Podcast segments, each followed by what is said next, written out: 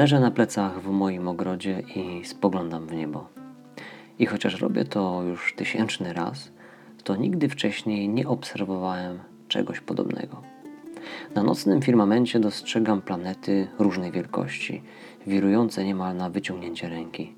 Wygląda to dosłownie tak, jak gdyby moje oczy nauczyły się bądź otrzymały zdolność widzenia kolejnych, dotychczas niedostępnych dla ludzkiego oka wymiarów. Dane jest mi postrzegać wszechświat z niespotykaną głębią i różnorodnością. Wraz z pojawieniem się nowych wymiarów, również przestrzeń zaczyna funkcjonować inaczej. Brak tutaj liniowej logiki, do której ludzki umysł jest tak bardzo przywiązany. Racjonalność stoi teraz zupełnie zagubiona, ogołocona z poczucia swojej ważności. Wewnątrz odczuwam inspirację, by udać się na Wyspę Szamanów. Tym razem także droga do tego miejsca wygląda i przebiega zupełnie inaczej. Wzlatuję ku górze, przelatuję obok świeżo objawionych mi planet, by po chwili stanąć na brzegu wyspy, która teraz zdaje się dryfować na wodach oceanu przyczyn. Witam się z matką szamanką, jednak również i to powitanie jest zupełnie inne. Oboje siadamy w kręgu skupionym wokoło ogniska.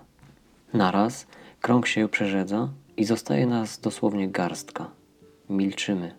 Jednak w ciszy tej wybrzmiewa coś, co trudno wyartykułować słowami. Mam wrażenie, że oto rodzi się nowy paradygmat, nowa oś, wokół której kosmos zacznie się kręcić. Dość niespodziewanie wybrzmiewają skądś znane mi słowa. Temu, kto ma, będzie dodane, a temu, kto nie ma, odebrane będzie. Coś się kończy, ale każdy koniec jest początkiem czegoś nowego. Czas na przegrupowanie, na odsianie, na otwarcie dotąd nieotwieranych drzwi i okien. Do wnętrza wpadają pierwsze promienie nowego słońca.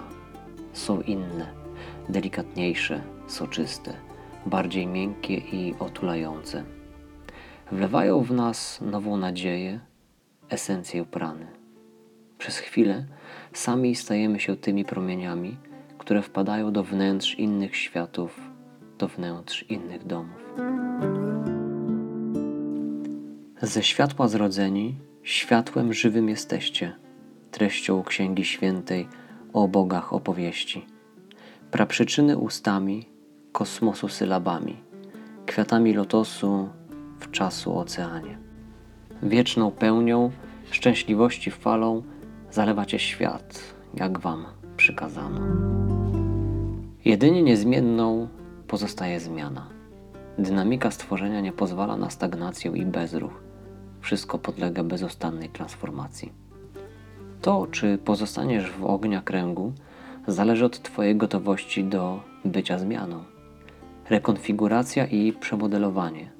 Nic nie będzie jak dawniej. Oglądam nowy świat z odległej perspektywy.